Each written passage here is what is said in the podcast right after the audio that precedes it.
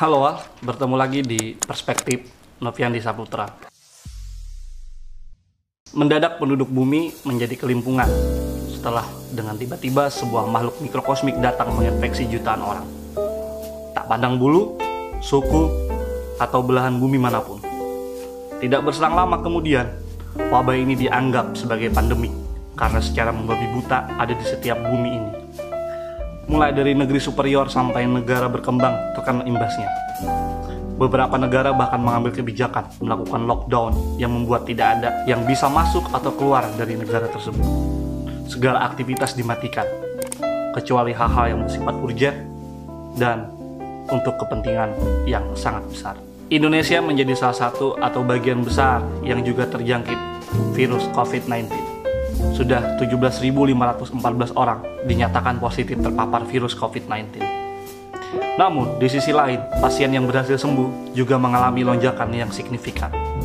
Pandemi ini tidak sekedar urusan sakit dan sembuh, namun juga membuat masyarakat dan pengambil kebijakan pemerintah bersikap. Sikap jelas yang kemudian diambil adalah melakukan pembatasan sosial berskala besar. Masyarakat dibatasi untuk saling bertemu, melakukan aktivitas dan melakukan hal-hal yang mampu mengumpulkan massa. Kebijakan-kebijakan yang dilakukan hampir di seluruh belahan bumi kemudian tanpa sadar membentuk sebuah budaya baru yang terintegrasi dalam sistem digitalisasi. Masyarakat benar-benar diajak bermigrasi dalam bermacam aplikasi yang menghubungkan mereka secara sosial. Praktek pindah ruang ini sebenarnya sudah berlangsung lama. Hanya saja setelah pandemi ini datang, kita baru benar-benar merasa karena sekarang sama sekali tidak ada ruang untuk bertemu secara langsung. Berbagai aplikasi yang mampu memberikan layanan video call, panggilan langsung, pengabaran aktivitas sudah berlangsung lama melalui Facebook, Instagram, YouTube, WhatsApp, dan yang terbaru adalah ketika kita ingin melakukan meeting melalui Zoom. Segala aktivitas kita akhirnya cukup mudah diketahui melalui laman-laman tersebut. Jika ingin berkomunikasi, juga sudah tak perlu saling bertemu karena mudahnya akses digital saat ini dengan media tersebut.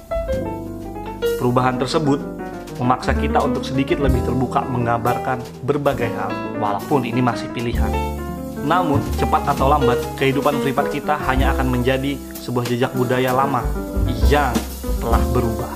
Bayangan-bayangan saintifik yang hanya tergambar dalam film-film barat akhirnya benar-benar tergambar secara langsung di hadapan mata. Kita akhirnya tidak sekedar sebagai subjeknya, namun lebih banyak akan menjadi objek-objek perubahan tersebut. Semuanya tinggal menunggu pemuktahirannya saja. Jejak-jejak budaya baru ini bisa kita lihat dari perubahan pola masyarakat. Budaya gotong royong notabene merupakan budaya orang Indonesia yang sangat membutuhkan komunikasi, hubungan fisik, bertemu, kemudian berubah menjadi budaya yang individualis dan independen. Lingkup terkecil seperti rumah kemudian dianggap sebagai ruang paling memungkinkan untuk saling bantu, meskipun hal semacam ini bisa saja kembali bergeser pasca hilangnya wabah virus ini. Pasar sendiri sebagai objek vital pertukaran uang dan barang juga mulai memasuki perubahan. Ini dibuktikan dengan bermunculan e-commerce e-commerce yang menggunakan e-money, membuat aktivitas masyarakat benar-benar hanya di dalam rumah Kewajiban-kewajiban masyarakat seperti bekerja juga mulai dikurangi dengan beberapa ruang kerja tertentu mewajibkan bekerja di rumah. Demikian hanya dengan pendidikan.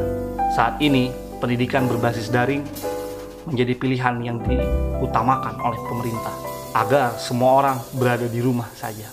Perilaku berkarya seniman juga berubah. Banyak kemudian yang memulai memindah ruang karyanya dengan berbasis ditonton secara tidak langsung. Perilaku ini juga memunculkan budaya apresiasi baru bagi para penonton. Pada nyatanya, memang saat ini masih banyak yang merasa bahwa menonton secara langsung jauh lebih baik karena mampu memberi nuansa yang nyata.